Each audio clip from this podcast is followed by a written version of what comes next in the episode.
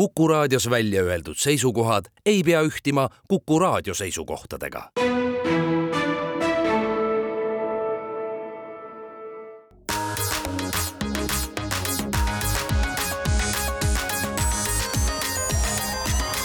digitund. digitunnile ja digimaailmale annab hoogu Telia on esmaspäev, kahekümne teine jaanuar ja Digitunni stuudios, nii nagu ikka, on kogunenud Mait Tafenau, Indrek Vaheoja ja Andrus Raudsalu. ja toome teile siis möödunud nädala, nädala uudiseid ja alustame sellisest äh, toredast uudisest, et meid kõiki vist on nagu noh, lõpmatuseni tüütanud ära kõik need äh, veebisaidid, kes avanemisel siis küsivad seda, et milliseid küpsiseid sa ikkagi tahaksid äh, oma brauseris nüüd lubada salvestada ja, ja, ja noh, ja siis me peame alati pressama kõiki neid nuppe, mis seal on ja ja tundub, et äh, Euroopa Liidule on siis ka hakanud tunduma, et see on äh, tarbijatel ikkagi üks väga ebamugav tegevus. selle kohta on isegi termin, see on küpsiseväsimus no ütleme niimoodi, et minu arust see on kõige maailma kõige nõmedam asi, mida sinna külge panna.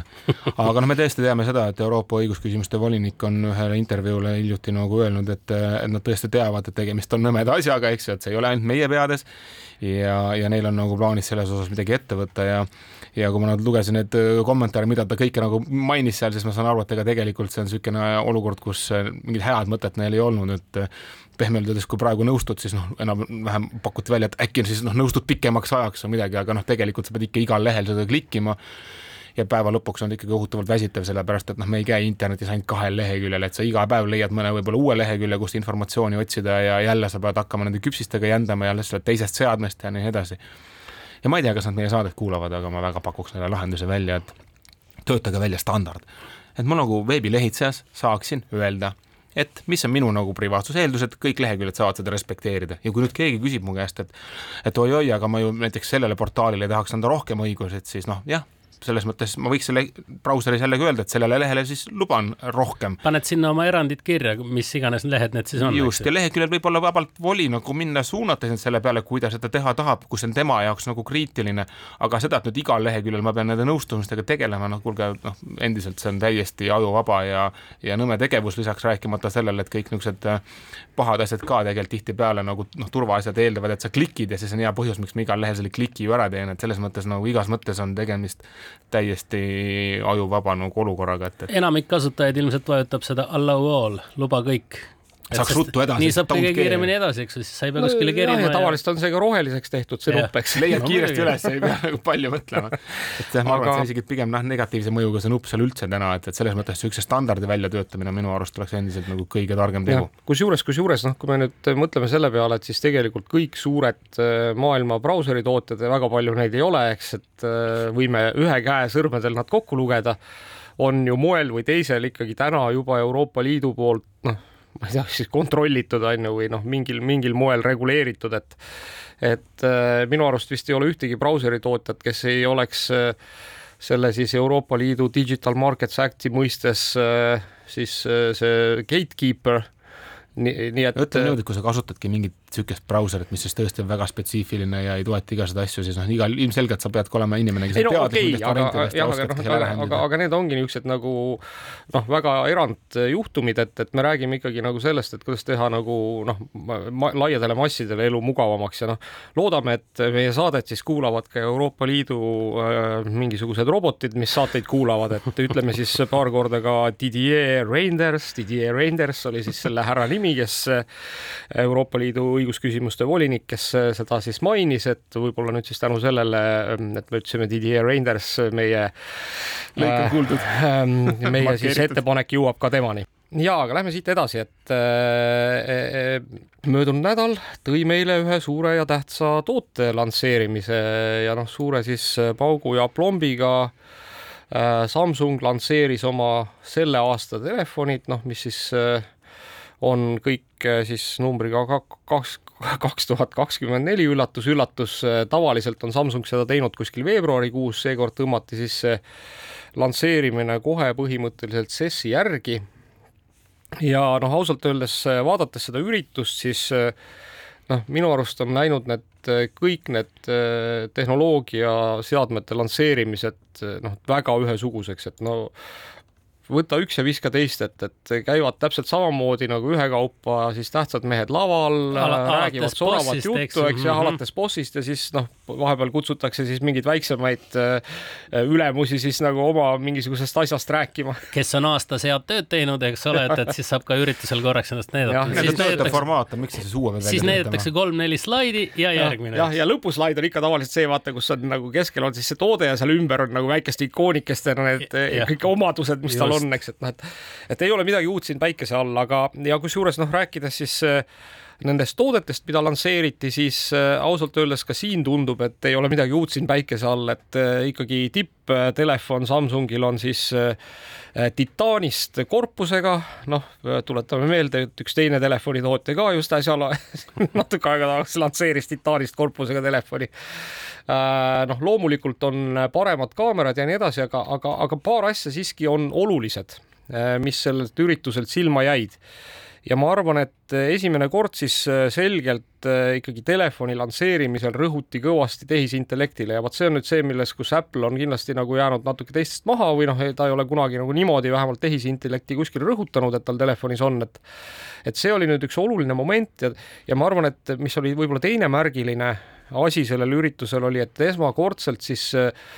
oli näha, et Samsung ja Google teevad väga tihedat koostööd ja ma arvan, et noh, eks Google on aru saanud, et et noh, üks nii, nii heaks riistvaratootjaks, kui nad ennast peavad, et nende pikseli telefon on ikkagi nagu väga väikeste vähemuste äh, aparaat, nii et noh, seda ikkagi toodetakse ja müüakse ülivähe. ma isegi ütleks niimoodi, et vaata, see piksel on niisugune seade, et noh, mida see kokk selle pardiga siis teha oskab, et noh, selles mõttes nagu näidis endiselt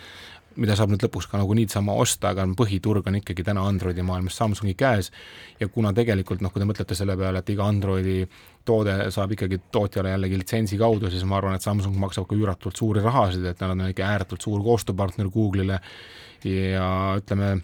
nad on läinud ka väga. muidugi mine võta seal kinni, kes kummal, kes kellele maksab või võib-olla maksavad mõlemad nagu üksteisele, et. null, null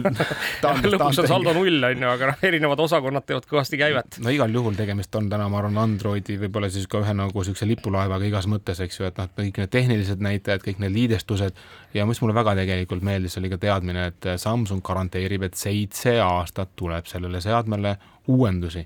et see on ikkagi nagu erakordselt suur asi, et sa saad nagu päriselt kindel olla, mind isiklikult on alati see jalajälje küsimus häirinud, et ma ostan endale telefoni, mõne aastaga tegelikult kaks-kolm aastat see... maksimum, eks. jah, et siis on, hakkavad pihta, küll su aku ei pea, ta on aeglane, mingid noh, tuhat häda, eks. ja, ja noh, tarkvarauuendused noh, võib-olla isegi tulevad, aga, aga mulle natukene meeldib see Samsungi lubadus, et seitse aastat tarkvarauuendusi tähendab, et noh, ta peab olema kuidagi ikka tarbitav, mis tähendab seda, et kolme-nelja aastaga ta veel päris äkki telliskiviks ei muutu. et see on selles mõttes ikkagi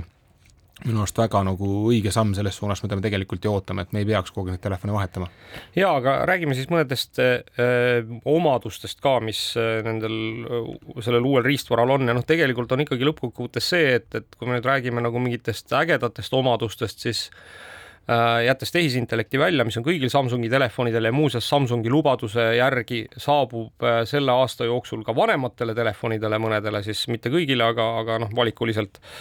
Äh, siis äh, noh, ütleme, et, et need kõige, kõige vingemad omadused on loomulikult ikkagi sellel kõige kallimal mudelil äh, ja noh, ütleme, et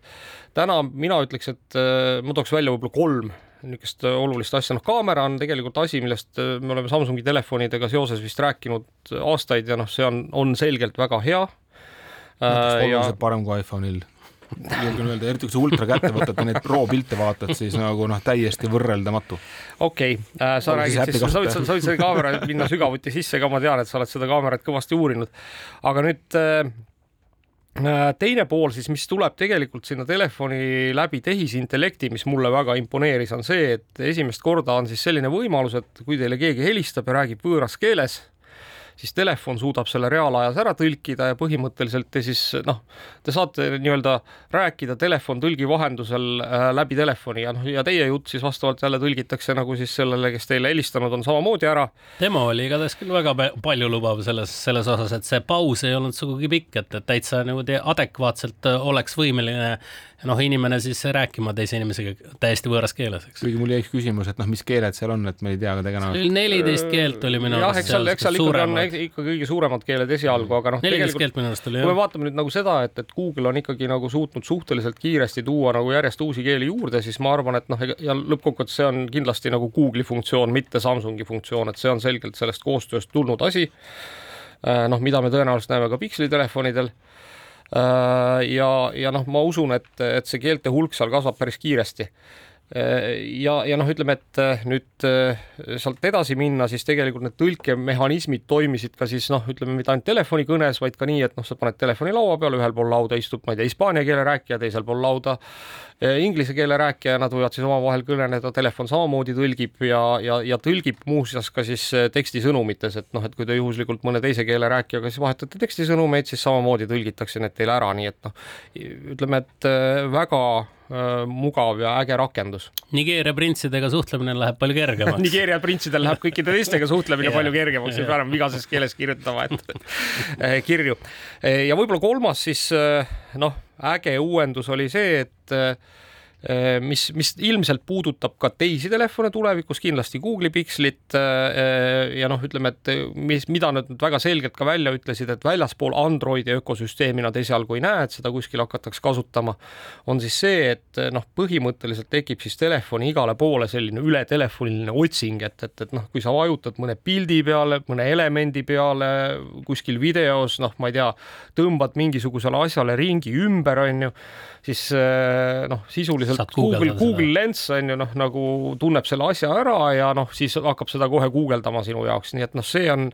see on, ma arvan, et ka väga äge uuendus, noh, mis noh, ilmselt ühel hetkel siiski jõuab nagu kõikidele saab standardiks ilmselt, sest et see visuaalne äh, lähenemine asjadele, ega see vaevalt, et kuskile kaob, eks et, et palju lihtsam on ju tõmmata ringikene pildi ümber, kui hakata sedasama siis teksti kirjeldama, kirjeldama, eks. on mingi must sihuke tead. väike ring ja, ja läheb.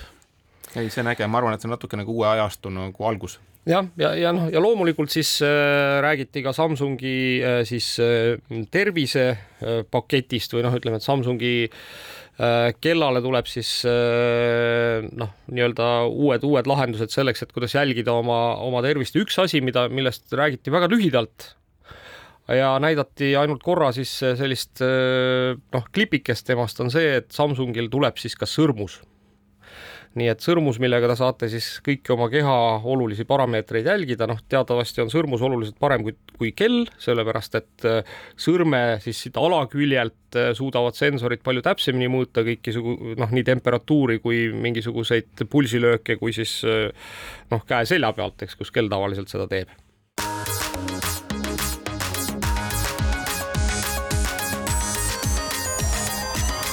Digitund digitunnile ja digimaailmale annab hoogu Telia.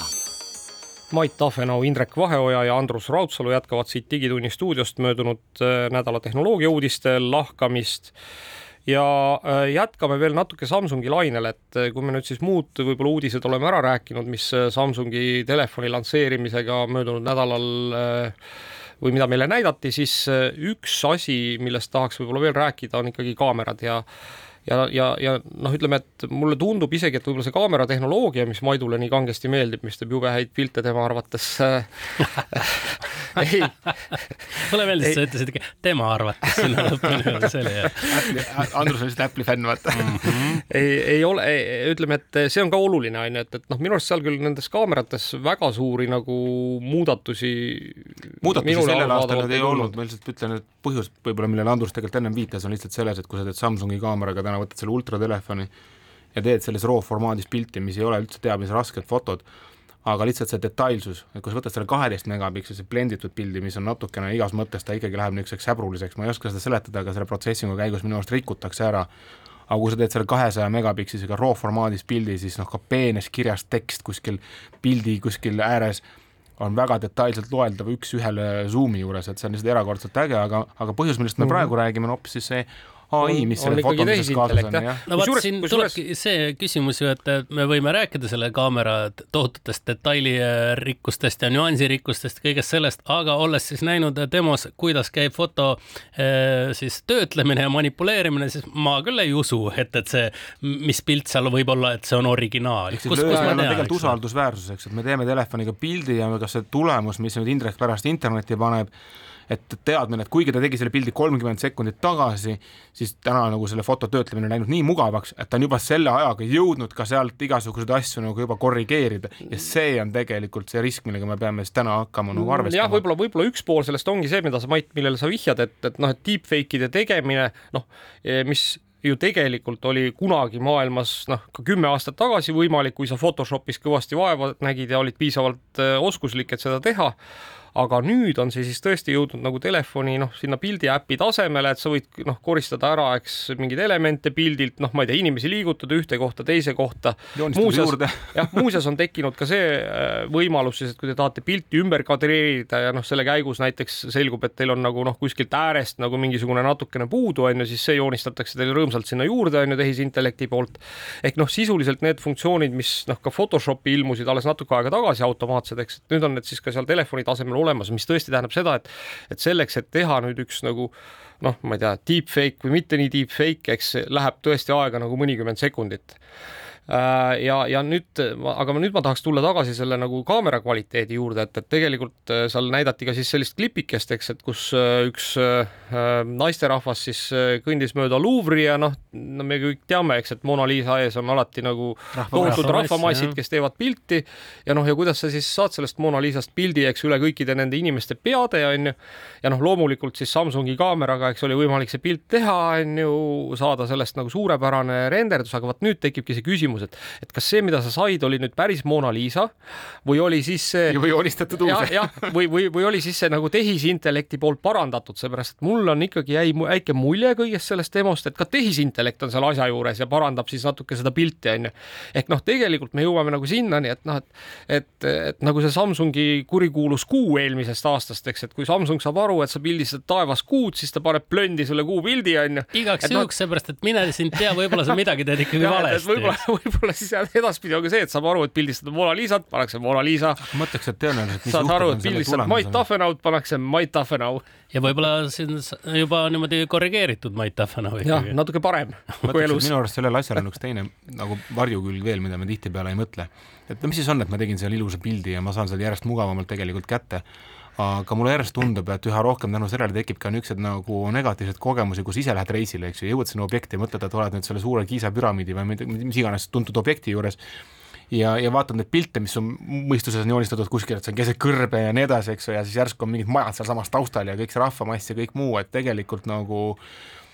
et sa lähed sinna reisile, sa tahad sa- sama, sama asja kogeda, mis teine inimene oli pildi peal koge-, kogemiseks välja jaganud ja jõudes kohale pettud, sest see ei ole, see ei ole nii ilus koht, kuhu sa tegelikult läksid, et et ma arvan, et niisuguste nagu pettumuste hulk nagu järjest kasvab ajas no,. tuleb, usu mind, Mait, et võib-olla kahekümne aasta pärast näeme ka ai-d, mis teeb koledamaks pildi jälle tagasi. ja kindlasti ma arvan, et ka praegu on võimalik seda lisab, lisab, lisab pildile prahti, joodikuid. suvalisi inimesi, eks ju. aga no sa põhimõtteliselt, ega sa ei peagi reisile ju minema, sa tänapäevaste võimalustega saad ka kodus Ja need reisipildid valmis teha, sa pead lihtsalt äh, vastavad äh, parameetrid äh, sisaldama, kuhu ja mis ja milliste pereliikmetega lähed ja, ja tehakse need pildid sulle ütleks, kui valmis. need videosid oleks rohkem, siis mulle selles mõttes see Google'i headset kohutav, mitte Google'i, vabandust, Meta headset õudselt meeldis, et sa paned selle pähe ja sul on võimalik käia, ma ei tea, Matterhorni tipus, eks ju, et, et käia kaasas kellegagi ilma, et sa ise oled talunud seda raskust. et see on erakordselt nagu iseenesest lahe, aga need videosid ja nende kvaliteedid kahjuks nagu veel ei ole niisugusel tasemel. et selles mõttes ma nagu muidu olen täiesti teiega, et, et see mõte mulle väga meeldib. aga muuseas üks asi, mis võib-olla isegi tekitas must kõige rohkem kõhedust, onju, on nagu see, et, et, et noh, et ütleme see, et noh, ma ei tea, et sa venitad oma pildi natuke suuremaks ja siis sealt noh, kuskilt nurgast jääb natuke puudu tausta ja see joonistatakse juurde, see on kõik okei okay,, onju veel. või noh, ütleme kasvõi see, et noh, ma ei tea, et, et, et seal näidati ka noh, inimest, kes viskas palli korvi, eks, ja noh, siis tast võeti kinni ja noh, rebiti ta Tõsteti nagu ta umbes kaks meetrit kõrgemale maast, eks noh, noh, kind of okei okay veel võib-olla, eks, et noh, inimene oli ikkagi seesama, eks onju. aga nüüd nüüd on nagu noh, mis noh, ja ütleme noh, see materjal, eks noh, noh, tegelikult see ikkagi kõik need asjad olid seal pildil olemas, onju. aga nüüd, mida Samsung ka tegelikult näitas, oli see, et, et tekib võimalus tavalisest videost teha slow motion video noh, mis tähendab seda, et noh, kuidas tehakse slow motion videot, eks, et muidu video on kolmkümmend kaadrit sekundis, slow motion video on sada kakskümmend kaadrit sekundis, noh, neli korda rohkem kaadreid, eks. ja nüüd on siis see, et tegelikult kahe kaadri vahele arvutatakse lihtsalt kolm kaadrit juurde, mida mm, -hmm. mida mitte kunagi ei ole juhtunud. ja noh, mina hakkan nüüd küll ette kujutama, et noh, kuidas mingid tüübid on ju, noh, ma ei tea, võtavad oma Samsungi telefoni, eks, filmivad näiteks noh, ma ei tea, oma teleka ekraanilt mingit jalkamatši, eks on ju ja siis hakkavad leidma sealt asju, mida ei juhtunud, noh, kas vigu või mm -hmm. noh, mhm. mingisuguseid, eks muid asju on ju. kusjuures ma nii palju pean sind parandama, et televiisorid on selles mõttes sarnaseid asju kaua aega teinud, et see, ütleme niimoodi, sellel efektil on eesti keeles ka nimi ja see seebi ooperi efekt, tegelikult inglise keelest tuli see otsetõlge. ja need on joonistanud neid kaadreid sinna vahele selle jaoks, et teil oleks mõnusam pilti vaadata ilma nende värelusteta. et tegelikult see kaadrisagedus ikka kolmkümmend on vähe, et see pilt oleks sujuv mõnusam küll, aga see ei peegelda ju selles mõttes ikkagi reaalsust enam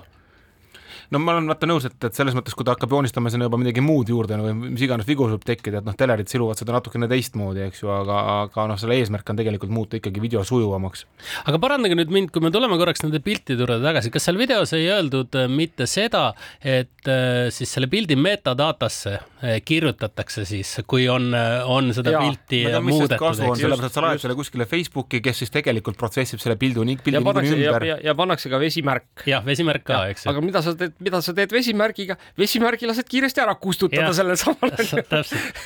et, et noh, põhimõtteliselt jah, et okei okay,, et kui me tuleme siis sinu masinasse ja vaatame selle pildi originaali üles, siis me võime sealt tõesti selle info leida, aga kui sa paiskad selle pildi siis kuskile sotsiaalmeediasse, noh mm., siis tihti, tihti ju võetakse üldse üleslaadimisel metadata ära jah ja. pigem on probleem siis, kui sa laed selle üles fotovõistlusele taha ja öeldakse, et tingimused anna originaal, eks ju, aga noh, seda tüüpi asju minu arust juba nagu ammu juba väga ei toimu, et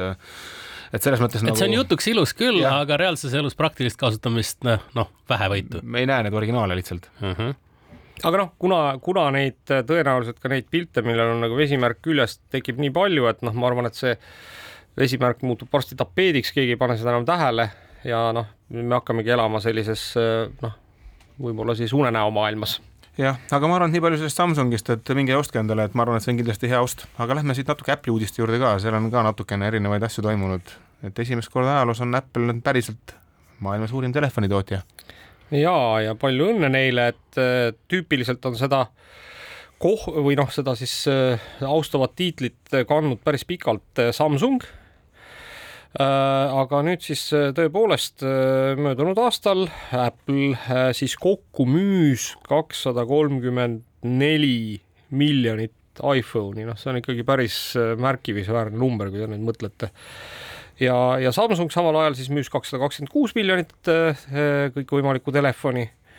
aga noh, oluline on ka see, et, et kogu telefoniturg siis ka kukkus möödunud aastal umbes kolm koma kaks protsenti, mis on vist esimest korda, kus on ikkagi ka selline suuremat sorti kukkumine telefoniturul.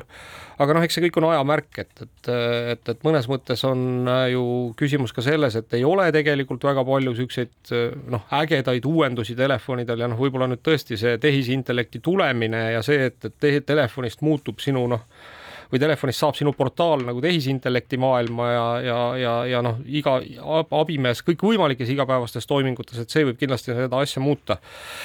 Aga, aga jah, et äh, kui me siis räägime ka sellest, et kes siis need teised äh, seal esiviisikus on, siis äh, kolmas on Xiaomi, kes on ka Eestis tuntud saja neljakümne viie miljoni müüdud telefoniga, neljas on Oppo saja kolme miljoniga, Oppot vist ma ei tea, kas Eestis müüakse või? vist ikkagi müüakse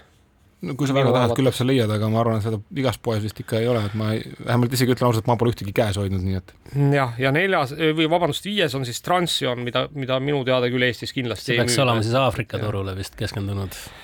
just, et, et, et, et selles mõttes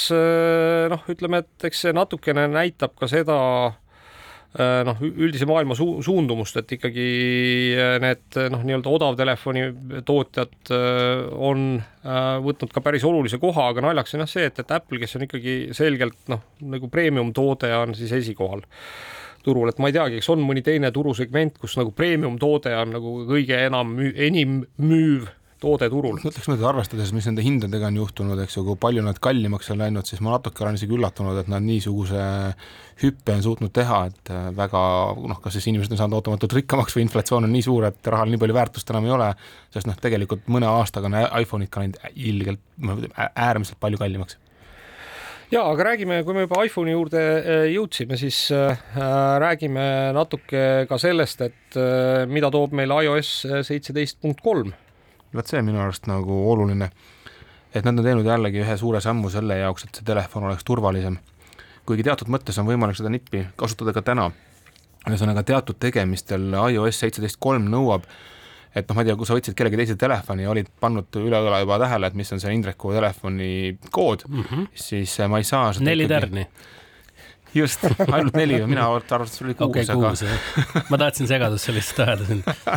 et igal juhul, äh, kui ma nüüd olen selle telefoni oma kätte saanud, siis ma ei saa minna kiiresti ja vahetada ära Indreku nagu kontosid ja kõiki muid asju, vaid ma pean ootama mingi aja siis möödumist, äh, kui ma seda tegevust alustan, et Indrekul jääks piisavalt aega seda tegevust tühistada. Aga noh, ma ütlen täna ka kõigil, kellel juba ei ole veel seitseteist kolme, siis mina isiklikult olen näiteks pannud omale selle nii-öelda screen time'i koodi peale,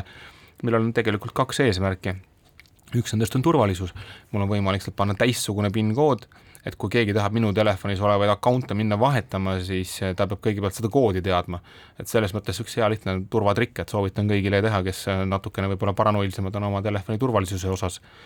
ja noh, teine asi, miks minul see on peal, lihtsalt sellepärast, et ma ei upuks nendesse rakendustesse liiga kauaks, et ikkagi veerand tundi ja mhm. siis pead aru saama, et, et äh, aitab küll. jaa, et, et see peab olema, noh, teadvustad lihtsalt iseendale, et sa oled kulutanud sinna veerand tundi oma elust mm. -hmm. ja noh, nüüd on muidugi see, et, et, et seitseteist kolm hetkel veel äh, siis tava-update'ina saadaval ei ole, et äh, ma ei tea, kas beetana vist on väljas, eks ole? ja, ja see on, Apple on teinud väga suure sammu selles osas, et meil kõigil on võimalik nende beeta programmides osaleda, et aga noh, endiselt ütlen, et ärge, ärge minge sinna, kui te ei tea, mida te teete, et. ja, aga lähme siitkohalt reklaamipausile ja oleme juba varsti tagasi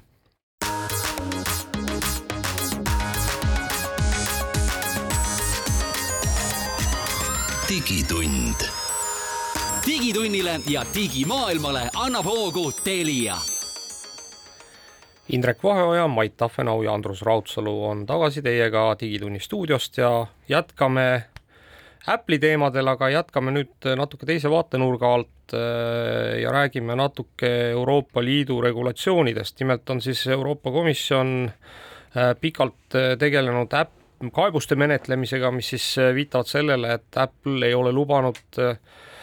siis äh, teiste osapoolte makselahendusi Apple Pay ökosüsteemi ja, ja see on justkui nagu turu siis ahistamine või turutõrke tekitamine. noh, iseenesest kas huvitav seis on sellega see, et nagu on öeldud, et ilmselgelt peab lubama, aga mida täpselt või keda täpselt, mismoodi see peaks välja nägema, seda veel selge ei ole, et siin on lihtsalt öeldud, et äh, oodatakse praegu siis turuhuviliste nagu sisendit, et, et mida edasi teha. no ei no. ole sellist äh, huvi vist tulnud, et Apple'i kiosk oleks kuskil, kuhu saadakse sularahaga kohale minna ja ära maksta omad asjad, et seda võib-olla vähem. jah, aga no iseenesest tähendab see tehniliselt seda, et äh, ikkagi Apple on siis äh, Euroopa Komisjoni survel siis äh, äh jõudnud sinnani, et et ta plaanib siis oma iPhone'is asuvat NFC kiipi avada kõikvõimalikele teistele makseteenuste pakkujatele ka, noh iseenesest tarbija jaoks kindlasti suurepärane lahendus, mis tähendab seda, et, et noh, kõikvõimalikke siis teenuseid tuleb juurde, et võib-olla ka need inimesed, kes täna veel mingil põhjusel ei ole saanud Apple'i äh, telefoniga maksta, noh kas selle tõttu, et, et nende kasutatav makselahendus seda ei toeta või mis iganes, äh, noh ilmselt siis tulevikus äh,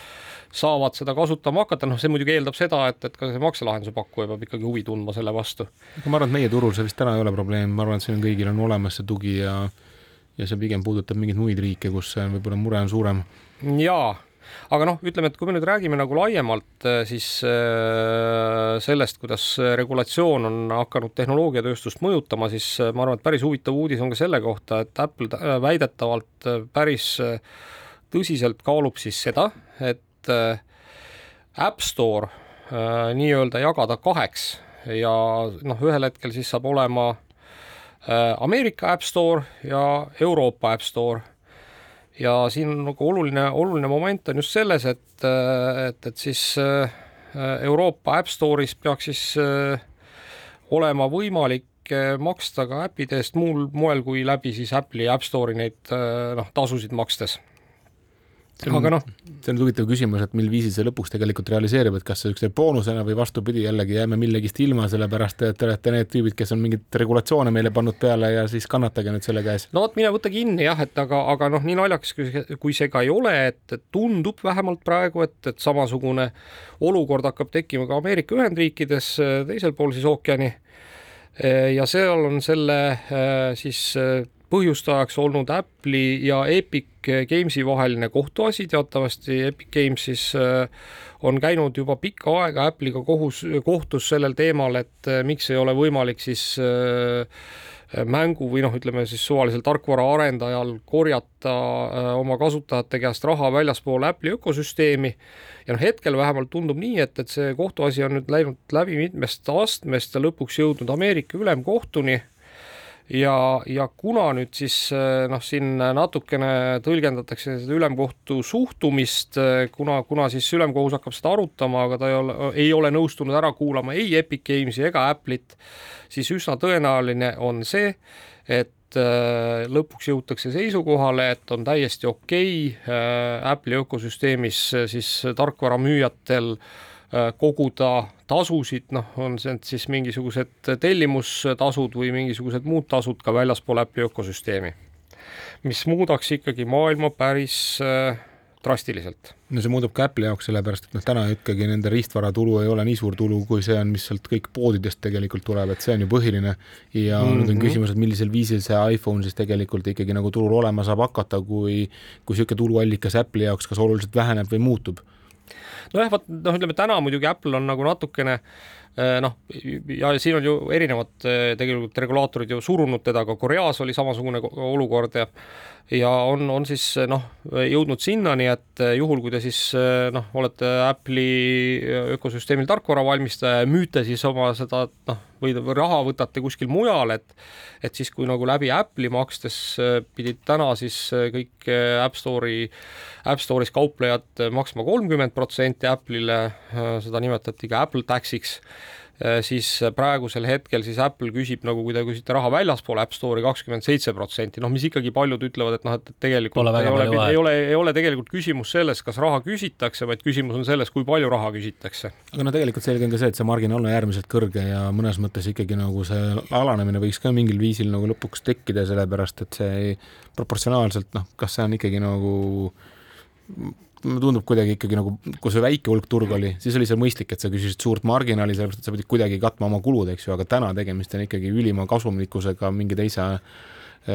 töö arvelt, et, et kas see nagu õigustatud on, no see on nüüd suhteline, et see on see asi, mille üle no, vaata, ega lõppkokkuvõttes Apple ütleb ka seda, et noh, et kui meil seda ökosüsteemi ei oleks, on ju, siis te ju tegelikult ühtegi nagu juppi tarkvara ei müüks, eks on ju. just no,, ja ökosüsteemi arendamine on väga kallis ja selle ülevalpidamine on kallis, eks ju, ja kõik nii edasi, et noh. see on niisugune mõttes... monopoli lähenemine jah, aga no ütleme, ega seal ülevalpidamine ei ole odav, eks ju, et need serverid, mis seal taga huugab, on ju tegelikult kohutavalt palju, palju arendusele ressursse kulub, isegi ei suuda isegi kujutada ette, milline töö on seda tüüpi ökosüsteemi püstipidamine, eks ju, ja milline ja. vastutus sellega kaasneb. nojah, ega, ega lõppkokkuvõttes on ju, kui sa nüüd tõmbad nagu reaalmaailma analoogi, et noh, et, et kui sa pead poodi, on ju, kuskil kaubanduskeskuses, siis siis noh, sõltumata sellest, eks, et, et kui hästi su poel läheb või mida sa seal müüd või mis iganes, eks siis kaubanduskeskus küsib renti ikka, on ju. jah, aga teistpidi võttes on äh, poodidega noh, on see alternatiiv on oluliselt lihtsam, eks ole, et, et meil, kui sul on Apple'i telefon. noh, lähed teise, jah, ei ma saan no, aru, jah. eks ole, siis noh, lähed sinna, okei okay,, ostad selle Samsungi telefoni noh, aga, aga ütleme, see, sul ei ole selle konkreetse, kui sul riistvara on käes, siis sul ei ole varianti. Apple'i telefoniga sa Samsungi poodi minna ei saa, eks. aga saame näha, kuidas see kõik lõpeb, et igal juhul sellel teemal nagu on viimane aasta kohutavalt palju jällegi uudiseid olnud ja, ja tõenäoliselt tuleval aastal ka see lahendus lõpuni ma ei usu, et tekib, aga aga noh, mingisugune liikumine jällegi on, et, et kuna no, summad on nii suured, siis äh, seal sellist verist võitlust on ilmselt veel päris, päris no, tükk aega näha. me räägime ikkagi kümnetest miljarditest nagu lõppkokkuvõttes, eks. ja noh, ja kui me vaatame seda, eks, et, et kui palju siis äpp, noh, aasta-aastalt, kui palju on kasvanud just nende teenuste osakaal Apple'i äh, käibes, siis, äh, siis tegelikult noh, selge on see, et, et ta sealt järgi anda nagu naljalt ei tahaks, on ju. noh, nüüd teine küsimus on muidugi see, et, et mine tea, eks, et võib-olla kui sa suudad nagu selle noh, nii-öelda hinnapunkti panna õigesse kohta, et äkki tuleb rohkem teenuseid, on ju. Aga noh, ma arvan, et ka see muudab just seda, et, et, et noh, needsamad kohtuasjad ja see, et noh, mingisugused suured äh, tarkvaraarendajad ikkagi noh, kas siis kuidagi leiavad mingisuguse täitsa nagu ümbernurga lahenduse või, või, või siis kolivad välja, on ju. Jaa, aga lähme siit edasi, et üks lahe uudis ka Apple'i inimestele, et kui kogu aeg on meil probleem olnud selles, et tulevad meie turule seadmed ja siis näiteks kas on piiratud funktsionaalsused, noh, ma ei tea, kes mäletab siis kui Apple'i kell hakkas mõõtma näiteks veresapniku taset, siis seda funktsiooni sai aktiveerida enam-vähem siis, kui läksid Soome mm. -hmm. või noh, et sa pidid olema geograafiliselt mingis teises punktis nii-öelda ja, ja ja, ja siis nüüd on tekkinud vastupidine olukord, et, et Apple Watch sai mõni aeg tagasi Ameerikas bänni eh, sellepärast, et nende tehnoloogia noh, siis ei, ma saan aru, nad olid tead, seal jah, ütleme, et ma siis äh, võib-olla valgustan seda telgitagust, et seal on siis üks väike ettevõte nimega Masimo, mis on siis meditsiinitehnoloogia ettevõte ja kes siis noh, väidetavalt on teinud valmis samasuguse sensori nagu Apple'il ja noh, ja ma arvan, et seal vist tegu isegi ei ole mitte sensoris, vaid tegu on pigem nagu tarkvaralahendustes, et, et kuidas siis seda hapnikusisaldust veres siis täpselt nagu välja selgitatakse, noh, selle põhjal, mida see sensor mõõdab ja ja noh, ütleme, et naljakas on see, et, et, et mingil hetkel siis see Masimo nagu tuli välja oma patentidega, ütles, et Apple on äh, neid äh, äh, nii-öelda rikkunud ja noh, ma ütleks, et ausalt öeldes kõige lihtsam lahendus ilmselt Apple'i jaoks oleks olnud see, et, et vaikselt see Massimo ära osta ja siis kuidagi alla neelata, noh, ütleme, et ma saan aru ka võib-olla, miks nad seda ei teinud, sellepärast et tõenäoliselt on seal Ameerikas siis umbes kakskümmend või kolmkümmend ettevõtet veel nagu reas, kes, kes ka leiavad mingi patendi, eks, millega tahaks, tahaks, tahaks, et neid ära ostetakse, et nad, et eks see natuke võib-olla on selline Apple'i poliitika ka, et nad ei taha nagu äh, noh, avastada ennast ühel hetkel sellest olukorrast, kus siis on nagu hunnik väikeettevõtteid, keda nad kogu aeg peavad hakkama kokku ostma, aga noh, noh jällegi teisest küljest paraku see on maailmas nii, et, et noh mingil hetkel keegi võibki leiutada midagi ja, ja, ja noh, ja siis äh, midagi ei ole teha, eks, et kui niikaua kui patendisüsteem on, et siis tuleb seda ka austada. aga tulemus igatahes... on nüüd see, et nüüd peavad ameeriklased lendama kuskile meie kanti ja et saada seda funktsiooni aktiveerida just, ja igatahes, igatahes siis asi jõudis nii kaugele, et, et, et siis äh, äh Ameerika äh, siis äh, ma ei tea, tolliteenistus, eks, keelas Apple Watchide sissetoomise ja müügi, noh, ega neid ju Ameerikas ei valmistata, eks neid ikkagi valmistatakse kuskil Foxconni tehases tõenäoliselt. Äh, juhul, kui seal siis on seesama äh, verehapnikusisalduse featuur peal ja noh, ja nüüd on siis Apple'il on nagu kõige lihtsam lähenemine on see, et ta teatas, et siis äh, Apple Watch Series üheksa ja Apple Watch Ultra kaks, mis on siis kõige uuemad Apple'i kellad, neil siis enam ei ole võimalik veresapnikku mõõta jah, selleks tehti siis väike siis tarkvara uuendus, eks? jah, just, aga siis palju õnne kõigile Euroopas asuvatele kasutajatele, et meie regioonis on see jätkuvalt võimalik.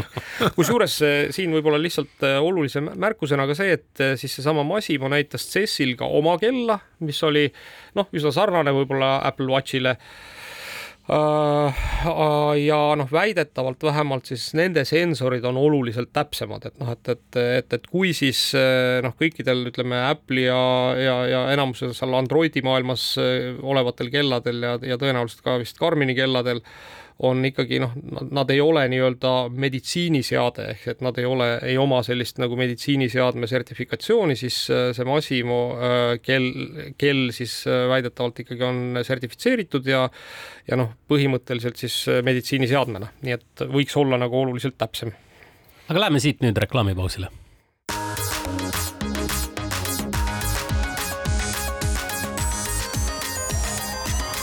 Digitund digitunnile ja digimaailmale annab hoogu Telia. digitund jätkab oma viimase veerandiga ja stuudios on endiselt Indrek Vaheoja, Andrus Raudsalu ja Mait Tahvenu.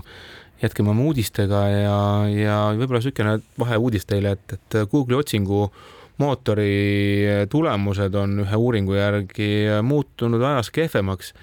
ja, ja mitte sellepärast, et Google teeks oluliselt kehvemat tööd, vaid kõik need Äh, ettevõtted, kes tegelevad igasuguse siis otsimootoritele optimeerimisega, on äh, suutnud oluliselt rohkem jäljele jõuda Google'i salajastele retseptidele, millest nad ei räägi ja saada niisugustel äh, halbadel asjadel siis paremaid skoore kui nendel legaalsetel asjadel. nii et selle tulemusena jah, Google'i otsingu tulemused on oluliselt kehvemaks läinud ja noh, jällegi mõnes mõttes me üldse oleme ajastul, kus äh, me kogu aeg räägime, et, et kas see Google'il enam tulevik on, et me pigem hakkame küsima tehisintellekti käest, mis ta midagi arvab, kui siis enam ise otsima neid tulemusi. igal juhul selline selline mure siin täna laua peal on, aga oled sa ise ka täheldanud seda või? ma ütlen ausalt, ei ole, aga, aga võib-olla on ka see, et, et no ütleme teatud teemade puhul, mis pigem mind Google'i puhul häirib, ei ole mitte isegi võib-olla nende skämmerite probleem, vaid selles, et teatud asjade otsimisel, see sponsoreid linke on nii palju, et sa just, pead kerima kaks lehekülge pehmeldades, enne kui asjani jõuame ja see on küll nagu häirima hakanud. sest ega naljalt ikkagi ei vajuta nendele sponsored linkidele, kuigi seal võib-olla on seal täpselt see, võib ja, aga kuidagi paratamatult on tekkinud selline noh, hoiak, et noh, kuna seda mulle niimoodi peale surutakse, ma vaatan siis edasi jah, et see on, isegi ütleks, et see on liiga agressiivne, et vanasti Google hoidis ikka väga tagasihoidlikku joont ja ma mäletan, üks äh, reklaami siis valdkonna juht ütles mulle kohe, et oi, milline kasutamata potentsiaal seal lausa on, sest noh, noh, raha vedeleb maas, eks ju. aga noh, kuna nad tegid tagasihoidlikult, ei olnud see ka kunagi kasutajale nagu häiriv ja, ja see Google'i teenus jällegi noh, paljudel põhjustel jäi ta maailma parimaks, tulemuste poolest, eks ju, puhtuse poolest, igas mõttes, eks. aga täna on jah ikkagi niisugune tunne, et ega ma tegelikult teinekord ei tahagi seal otsida enam midagi nojah, aga, aga noh, ütleme, et ma loodan, et, et võib-olla siin äh, toob mingisuguse leevenduse ka tehisintellekti liitmine siis selle otsingumootoriga, sest ausalt öeldes viimasel ajal olen mina pannud tähele, et, et kuna nüüd siis ka OpenAI GPT neli omab läbi pingi ligipääsu internetile ja suudab teha ka internetipäringuid, siis äh, ausalt öeldes äh, ma aina rohkem ja rohkem avastan ennast sellest olukorrast, kus ma selle asemel, et minna noh, kuskilt otsingumootorist vastust otsima mingile küsimusele või lahendust otsima, ma hoopis sõnastan selle ära GPT-4 jaoks ja, ja ta otsib mulle ise ja teeb ka kokkuvõtte vastustest ja saan päris adekvaatseid vastuseid, nii et noh, ütleme, et äh, vaatame, kuhu see elu läheb. võib vabalt juhtuda, et Bing päriselt saavutabki otsimootori tulel oluliselt suuremaid äh, skoore siis. no vot, siin on, siin on küll väga huvitav statistika, mis tuli ka möödunud nädalal välja, et et et noh,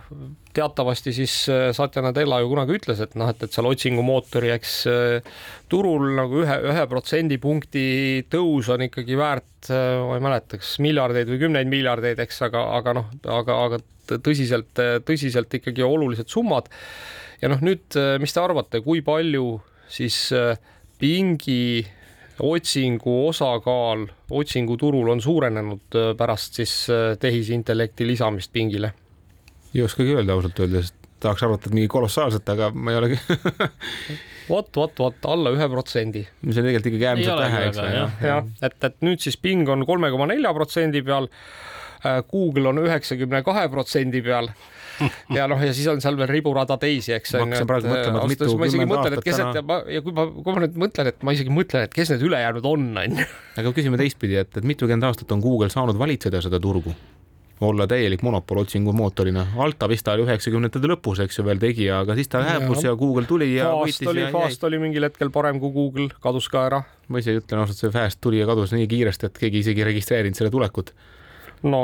keegi, keegi, keegi. Andrus märkas. Andrus üksinda märkas ja mäletab, aga teised ei ole võib-olla kuulnudki sellest. aga olgu peale, aga, aga siit noh, võib-olla ongi niisugune hea äh, siis äh, sild äh, tehisintellekti teemade juurde, et möödunud nädalal siis Mark Zuckerberg, kes mäletatavasti paar aastat tagasi ristis Facebooki ümber metaks, kuna ta ütles, et tulevik on Äh, ikkagi äh, Web kolmes ja metaversumis, siis nüüd teatas, et Meta ikkagi hakkab täielikult keskenduma tehisintellekti, õigemini siis isegi AGI ehk Artificial General Intel intelligence'i väljatöötamisele ehk siis noh, inim-, põhimõtteliselt nagu siis tehisinimmuistuse väljatöötamisele. ja, ja, ja seejuures siis äh, hakkab arendama ja ka teeb vabalt saadavaks oma meta siis äh, suured keelemudelid. Äh, Llama kolm on hetkel töös ja, ja noh, ütleme, et mis mulle meeldis küll see, et, et metat siiski nagu ai inkiks ümber ei nimetata, et jääb siis jätkuvalt metaks, et et noh, võib-olla nüüd Zuckerberg äh, kirub ja katkub juukseid, et miks pidi nii kiiresti selle Facebooki metaks ristima, et oleks paar aastat oodanud, oleks võib-olla saanud siis ai-ks ristida aga vaata seeläbi on jällegi tabanud teist turusegmenti, mida Apple üritab neil kätte kätte võtta selle oma uue nagu mm -hmm. headset'iga, et selles mõttes nagu ma arvan, et see meta ai-ga on sellisel kujul ei ole üldse vale ikkagi. ja, ja aga noh, lõppkokkuvõttes on see, et eks seal natuke võib-olla on äh, on ka see, et, et noh, kui me räägime Silicon Valley'st, siis noh, see sõda talentide pärast on ka oluline ja noh, see, et kõik tahaks ikkagi teha kõige ägedamat asja, noh, loomulikult lähevad nad sinna firmasse, eks, kes vaatab nagu kõige kaugemale tulevikku ja noh, ma arvan, et osa sellest Äh, Zuckerbergi jutust on ka ikkagi seotud sellega, et noh, saada siis kõige paremaid insenere metasse tööle, lubades neile siis seda, et nad saavad tõepoolest ka siis nii-öelda tehisintellekti noh, nii-öelda cutting edge äh, äh, uuringuid teha. ma isegi ütleks niimoodi, et vaata selle ai küsimuse puhul ei ole küsimus selles, kas sa teed enam ai-d, noh, kui me vaatame CES-i, siis ilmselgelt kõik tahtsid ai-ga tegeleda, eks ju. Ma arvan, et see võti peitub selles, et tootjad, autotootjad, pesumasina tootjad no,. kassiluugi tootjad ikkagi ju ka et selles mõttes ma ütleks, et enam, ma arvan, ei ole varsti enam küsimus selles, et sa ikkagi oled mingi ai tegija, vaid selles, et milline ai sul siis on ja noh, meta puhul on ikkagi selge, et noh, metaversum, eks ju, viisil või teisel, eks mm -hmm.. kusjuures, kusjuures noh, mis, mis, mis oli selles mõttes oli päris naljakas, et et nüüd noh, siis tuleb välja, et mille, millega ka ettevõtted siis võistlevad omavahel, et Zuckerberg siis teatas, et et Metal on siis kõige rohkem hetkel maailmas siis Nvidia H sada siis protsessoreid, mis teatavasti on siis tehisintellekti äh, arvutusteks mõeldud protsessor spetsiaalne ja Metal on siis neid kolmsada nelikümmend tuhat ja, ja noh, ja see on siis äh, noh, see on see, millega ta siis ilmselt neid insenere enda juurde meelitab, eks, et, et te saate endale nagu mängimiseks noh, siis maailma kõige suurema nagu arvutipargi on ju tehisintellekti valdkonnas. ja noh, väidetavalt siis on nad ka öelnud seda, et nad aasta lõpuks tahaks jõuda siis umbes kuuesaja tuhande siis H100 protsessori ekvivalendini, noh, seal on nad vist küll hakkavad kasutama ka mingisuguseid AMD siis tehisintellekti protsessoreid. aga noh, naljakas jah, et, et me oleme jõudnud ka sinnani, et, et äh, noh, natuke võisteldakse sellega, et aga minul on rohkem protsessoreid kui sul on ju. Kuigi ma ütleks ausalt, see on natuke nagu kolossaalne number, mõtlen, et mida kõike nad siis sellega seal kuskil tagatoas meisterdavad, et jällegi see toode on põnev, mis sealt välja tuleb. Kui me nüüd oleme nagu aastaid ennustanud seda, et tehisintellekt toob äh, Ameerika valimistele siis mingisugused naljad, noh, deepfake'id, mida iganes, siis mine tea, kas see üldse on võimalik edaspidi, sellepärast et OpenAI teatas avalikult, et nüüd enne siis Ameerika valimisi hakkavad nad väga selgelt piirama seda, mida siis tehisintellekt saab teha. Ja äh, nad on siis äh, selgelt ära keelanud äh, tehisintellekti kasutamise igasuguste valimistekstide valimispropaganda koostamisel ja inimeste sihtimisel sellega, nii et, nii et vaatame, kas, kas siis äh, nendel valimistel näeme ka noh, ma ei tea, kes siis iganes Donald, Donald Trumpi ja kes iganes tema vastu siis äh, kandideerib äh, suust tulevat nagu sellist äh, sujuvat tehisintellekti koostatud teksti või tuleb sealt ikkagi nagu puhtalt nagu copywriterite tõesti, jah? või siis Trumpi enda nagu stream of consciousness unconsciousness. Nii aga võib-olla veel mõned äh, kiired äh, tehisintellekti uudised äh, kõigile neile ettevõtetele, kes siis olid siiamaani sunnitud Microsoft Copiloti kasutamisest või noh, ei olnud, ei olnud õigemini, ei saanud Microsoft Copiloti kasutada sellepärast, et nende suurus ei olnud piisav, teatavasti, teatavasti siis Microsofti tingimus oli, et et siis üle kolmesaja litsentsi peab olema ettevõttel selleks, et Copilotit kasutada siis nüüd on Microsoft otsustanud, et äh, see Copiloti tehisintellekt on siis Office'i sees kättesaadav kõigile ettevõtetele. sealhulgas ka nendele inimestele, kes on ise endale Office'i koju ostnud, eks ju, selle teenusena ja kas sa saad oma isik, üksikisikuna selle endale aktiveerida? ja hind on jätkuvalt kolmkümmend dollarit, nii et äh, noh, ütleme, et kes siis raha peale kuri võiks olla, eks. kas see on kakskümmend? ei, minu arust on kolmkümmend, aga, aga okei okay,, me võime selle ka kindlaks teha aga teate, lõpetuseks üks Instagrami uudis ka ja Instagram on nüüd asunud äh, appi siis noortele inimestele, kes on noh, tihtipeale poole ööni või siis isegi kauem siis äh, veetnud aega reelsidega või siis äh, privaatsõnumitega ja nimelt hakkab siis Instagram teismelistele peale kella kümmet õhtul äh, saatma siis selliseid müksamisi, kui ta on olnud kauem kui kümme minutit siis reelsides või DM-ides ja ütleb, et kuulge, aeg on nüüd ikkagi magama minna. aitab küll. vot, aga selle infoga me nüüd täna lõpetame ja oleme tagasi juba nädala pärast.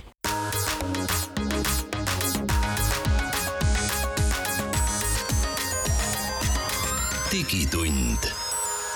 digitunnile ja digimaailmale annab hoogu Telia